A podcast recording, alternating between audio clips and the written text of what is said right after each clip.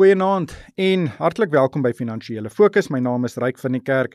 Ek het soos gewoonlik twee gaste. Mia Kreer is 'n portefeuljebestuurder en 'n direkteur by Kreer Internasionaal. Goeienaand Mia. Goeienaand Ryk. En ook Daniel Malan, hy's 'n portefeuljebestuurder by Perspective Beleggingsbestuur. Goeienaand Daniel. Goeienaand julle. Mia, ek wil sommer by jou begin en ek wil gesels oor die jaarverslag van die Staat se Pensioenfonds wat hierdie week bekend gemaak is.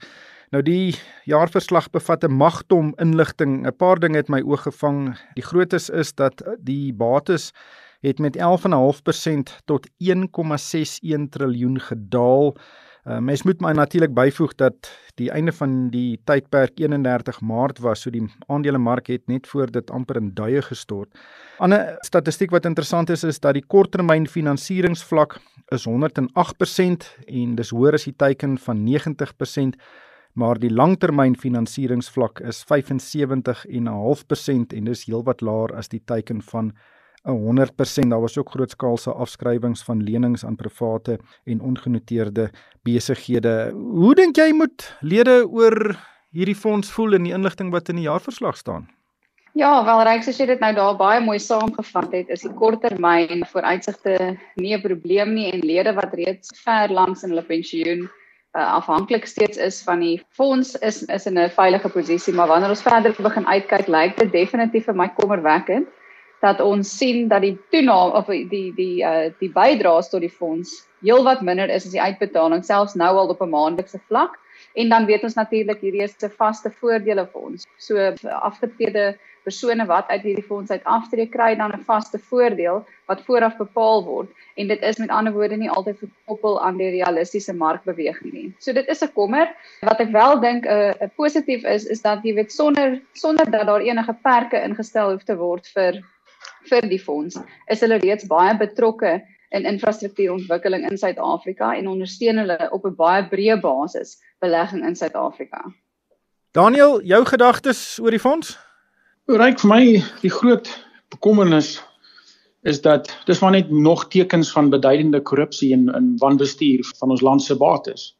En uh dit is baie duidelik dat die president probeer terugbeklei teen dit. Ek meen is al hoe meer evidence reg oor die ekonomie dat dit is daarom ten minste is daar bekleierery aan die gang en mense sal hoop dat die staatspensioenbates gaan ook deurloop onder 'n anti-korrupsie skoonmaakproses die goed vat maar tyd. So ek dink ek deel Mia se bekommernis oor die syfers, maar mense moet besef ook die syfers is die resultaat van besluite wat mense maak en uh, die feit dat die PIC en die staatsfonds daai verlenings gemaak word aan korrupte sakemanne is absoluut onaanvaarbaar en dit moet stop. Daar was 'n natuurlike empatie kommissie wat uh, gekyk het na wat gebeur het by die openbare beleggingskommissaris en daar is 'n hele aantal voorstelle gemaak oor hoe die koöperatiewe bestuur verbeter kan word en hoe die doeltreffendheid van die instelling kan verbeter. Maar dit lyk nie asof dit ten volle in werking gestel is nie. Dis eintlik 'n interessante scenario dat die korrupsie vind nie binne die pensioenfonds plaas nie, maar by die batebestuurder en hopelik is daar gevolge vir die dinge wat uitgelig is as uh, onbehoorlik tydens die empatie kommissie. Kyk, hulle kan maar praat soveel as wat hulle wil, dit maak nie saak nie. Wat saak maak is wat hulle gaan doen na omtrent. So dis wat ons dop hou. Ja, dit is 'n uh, eintlik interessante ding. Mia, dink jy die openbare beleggingskoöperasie is die probleem of is dit die pensioenfonds se trustees wat nie sterk genoeg optree nie? Waar dink jy lê die die probleem? Ja, wel, dreig dit is 'n baie geldige vraag en dis nie vinnig vinnige antwoord wat ons kan verwag nie. Soos jy self sê, daar was al geregmatige ondersoeke oor hierdie uh, wan uh, of sprake van wanbestuur. En dit lyk of dit meerendeels soos wat jy ook genoem het by die openbare beleggingskorporasie val. Maar dit is op die ou end van die dag die hele werk van die trustees van die van die pensioenfonds om druk uit te oefen dat hierdie ongeruimthede en ongeruimde praktyke aangespreek word. En hulle moet baie meer werk daaroor doen om te bepaal wat dit alles is en hoe dit aangespreek kan word sodat hulle dit kan verseker want dit is die enigste manier hoe hulle verandering gaan kan meedring by die by die beleggings openbare beleggingskorporasie. Daniel, kom ons gesels oor iets meer positief. Swart Vrydag, dit was uh verlede week en daar met die koms van COVID-19 en die inperking het ons nou nie sulke mooi video's gesien van mense wat vuis slaan om die laaste gevriesde hoender te kry nie, maar ek sien op 'n meer ernstige noot dat uh, Banks of Africa wat navorsing doen oor die aantal elektroniese transaksies op daardie spesifieke dag het gesê hulle dink die verkope van kleinhandelaars kan soveel as 50% laer wees as verlede jaar. Dis groot. Nee, kyk, dis 'n groot syfer. Ek dink nie dit miskien te verrassend vir enigiemand nie. Ek meen Suid-Afrika is ons regering is bankrot en hulle het uit geld uit gehardloop, te veel geld gesteel en gespandeer op goed en hulle het meer uitgegee as wat hulle maak. So sit nou met die gebakte pere en nou moet jy 'n proses begin om jou kostes te sny en jou inkomste te lig. En dit dit is pynlik.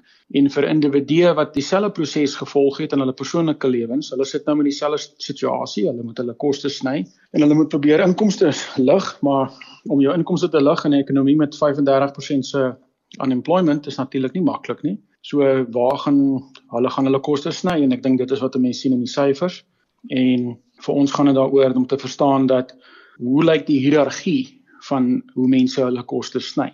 Ons het baie werk gedoen om te probeer verstaan wat sny 'n mens eers vir verskillende vlakke van inkomste in die samelewing sny mense interessant genoeg verskillende goederes. Wat byvoorbeeld vir my normaal is om te sny of wat ek eers sal sny in my persoonlike lewe is heeltemal anders vir iemand wat miskien in 'n ander inkomste vlak hoër of ver bo of ver onder my is. Ja, ek dink ook baie mense se inkomste is laer as verlede jaar hierdie tyd. Ek dink heelwat minder mense gaan 'n bonus kry vanjaar. So hierdie swak vertoning kan dalk in Desember ook inslag vind omdat mense net eenvoudig nie besteedbare inkomste het op dieselfde vlak wat dit laas jaar was nie.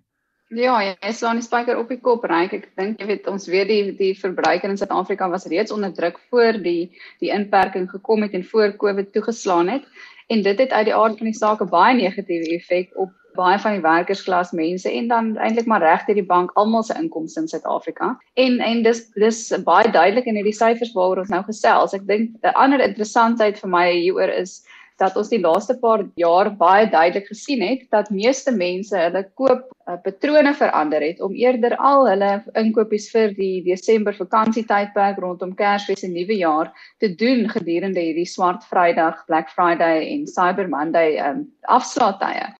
En dit is soos wat jy nou ook sê waar die groot voetval dan was by baie van die winkels. Hierdie jaar was daar 'n aansienlike daling met meer as 30% daling in transaksies wat in winkels gedoen is, fisies in winkels gedoen is. Maar dit het ook vir ons gewys dat mense hulle patroon van aankope verander het omdat meer as 60% of daar was 'n uh, toename van meer as 60% in die aanlyn transaksies. So die syfers en die totale netto waarde van verkope kope was lyk like my heelwat laer as wat verwag is maar daar is definitief 'n verandering in die manier hoe mense uh, hulle inkopies doen. Maar sê my, het jy daarom gewag vir Swart Vrydag en so een of twee goedjies aangeskaf? Ek het wel en ek is nou nog steeds besig om al die afleweringe hier by my kantoor te ontvang van alles wat ek gekoop het en ek moet sê daar's nog heelwat van die handelaars wat ek dink gesien het dat hulle syfers laer was as wat hulle verwag het en hulle het nog van die spesiale aanbiedings uitgestel en en verleng eerder dat mense nog daarbey daarbey kan baat. So kyk gerus rond. ja, ek het ook self 'n paar Kersgeskenke aangeskaf. Is net jammer dat hulle nog nie met Swart Vrydag die goed toedraai nie. Maar uh, Daniel, wat het jy aangeskaf? nee, wat ek dink uh, ek wag maar want uh, ek dink nie hulle gaan alles verkoop wat hulle wil verkoop nie en miskien 'n maand of wat teen Kersfees of maand daarna gaan hulle so baie druk het dat hulle vir jou dit gaan gee vir nie. Ja, ek dink is net in Suid-Afrika waar mense die groot uitverkoping voor die groot aankope seisoen nou in Amerika natuurlik is die uh, die dag daar om onverkoopte voorraad na die groot koopsessie te verkoop. Dis gewoonlik die dag net na danksegging, maar nou ja. Dan Daniel, goeie nuus. Ons lugweë is weer besig om meer vliegtye te sien. Kalula het hierdie week begin vlieg. Aanstaande week gaan Lift, dit is Gidanovic se nuwe lugdiens ook begin vlieg as ook British Airways. En stadig maar seker begin dinge na normaal toe terugkeer. Die groot vraag is net is daar genoeg passasiers vir al hierdie vliegtye?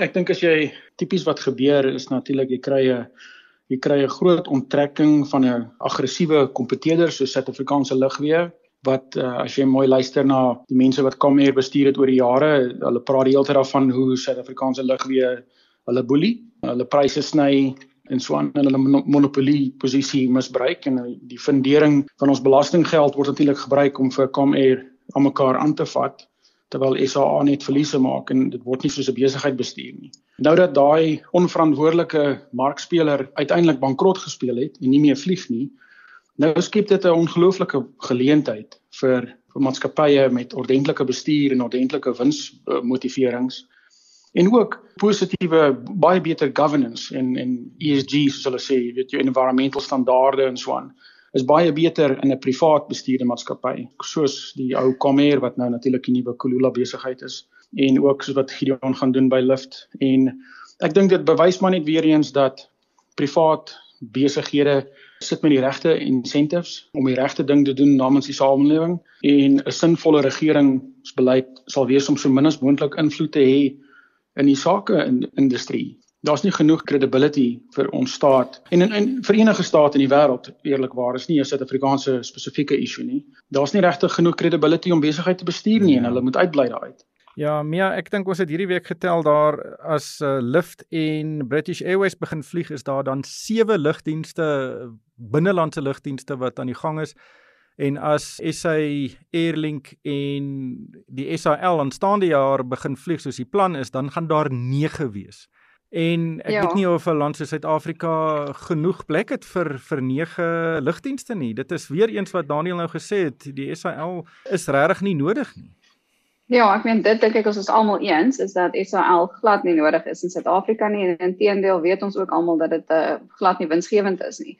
Ook nie om hierdie hierdie Phoenix basies uit die as te laat verhuis nie. So Ja, wanneer ons nou kyk na die lugdienste wat reeds aan boord is en reeds vlugte aanbied hierdie laaste paar maande vanaf die inperkings relatief begin stelselmatig lig raak het, is hulle almal redelik klein. En selfs byvoorbeeld wanneer ons nou luister na wat KMR sê met die met die uh, terugtrede van Kulula en dan natuurlik ook die beplande terugtrede van BA wat dan nou British Airways wat aan die einde van Desember sal gebeur is hulle uh, maar net besig om omtrent 15 van hulle van hulle vliegtye weer toe te uh, of na die mark toe te bring en dat hulle sê hulle dit maar eers stelselmatig oor die volgende 7 maande met nog verdere 10 uh, vliegtye gaan uitbrei. So dit is nie 'n hmm. groot klomp vlugte wat ons weer sien soos wat ons gehad het voor die die COVID-19 inperking nie. Ek dink ook mense se verandering in hulle behoeftes rondom um, reis wanneer jy kyk veral na besigheidsmense wat eintlik maar die grootste dryf op op op reiskoste en reisinkomste in Suid-Afrika is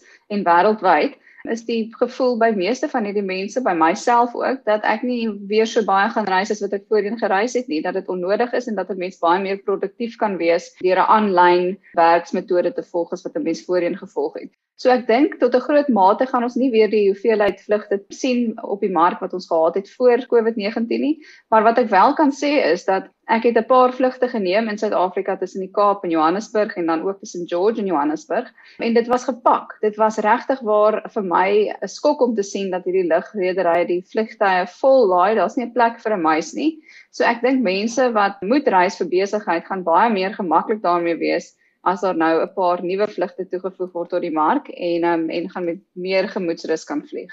Ek dink dit is ook belangrik om net te erken dat die kaartjiepryse voor die inperking baie laer is as nou. Ek het nou al vlugte gesien 2.5 3000 rand van Johannesburg Kaap toe een rigting en ek dink soos meer vliegtye en meer lugdienste begin vlieg, kan die kaartjiepryse daal en dit sal meer mense dan hoop om ook te vlieg. So dit gaan 'n interessante ene wees om dop te hou.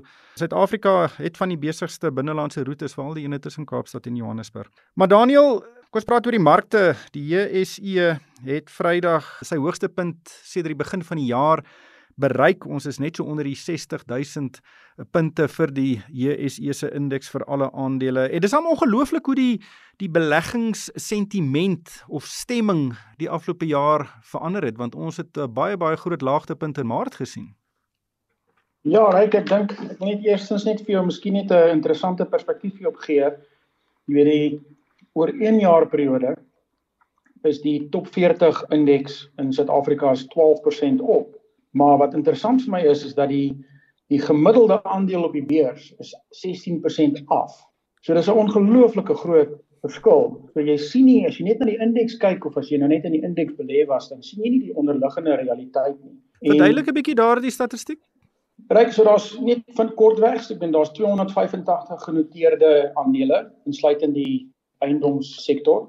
En as jy net 'n gemiddelde vat van daai totale 285 aandele, dan is die gemiddelde aandelepryse 16% af in die laaste 1 jaar. So jou groot maatskappye het baie baie goed gevaar, Naspers Prosus en dis ja. meer, maar jou meer middelslag maatskappye het eintlik maar pateties gevaar.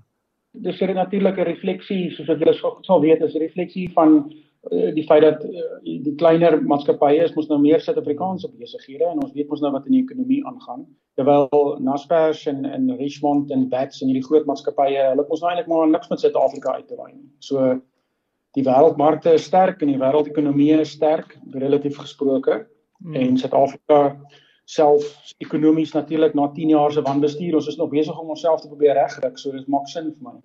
Ja, interessante statistiek. Nee, ek dink dit is 'n redelike goeie opsomming van die situasie want ek meen as ons kyk byvoorbeeld na um, na maatskappye soos Naspers en Prosus en dan natuurlik ons weet hoe hoe goed die uh, die goudmyne gevaar het en ook net sommer kommoditeite oor die algemeen in die afgelope jaar dan sien ons 'n totale ander prentjie. Ek meen die algehele indeks is nog eers 3% op vir oor 'n jaartermyn nie, terwyl Naspers omtrent 37% gestyg het oor dieselfde tydperk. So, dis belangrik om om realisties te bly oor wat aangaan in die mark en wat aangaan in die in die verskeie indekse en wat die groei op die mark dryf. Ons weet ook as ons kyk na ons uh, ons mark hierso in dollar terme, lyk dit beroerd. En as mens dit dan gaan vergelyk met bategroei in die buiteland, dan is dit baie duidelik dat Suid-Afrikaanse beleggers moet baie bewus wees daarvan dat 'n groot gedeelte van hulle portefeulje uit Suid-Afrika gediversifiseer moet word. Bloot eerstens uit 'n risiko bestuursoogpunt vir diversifikasie, maar dan tweedens as gevolg van die feit dat daar baie goeie geleenthede, goeie bestuur en 'n um, groeiende maatskappy in die buiteland is waarop Suid-Afrikaanse beleggers dan ook 'n groot gedeelte van hulle hulle inkomste kan verdien. Op daardie noot sal ons met Haltro baie dankie aan Mia Kreur, sy is 'n portefeuljebestuurder by Kreur Internasionaal en ook Daniel Malan Hy's ook 'n portefeuljebestuurder by Perspective Beleggingsbestuur. En vir my ryk van die kerk, dankie vir die saamluister en ek koop almal 'n winsgewende week.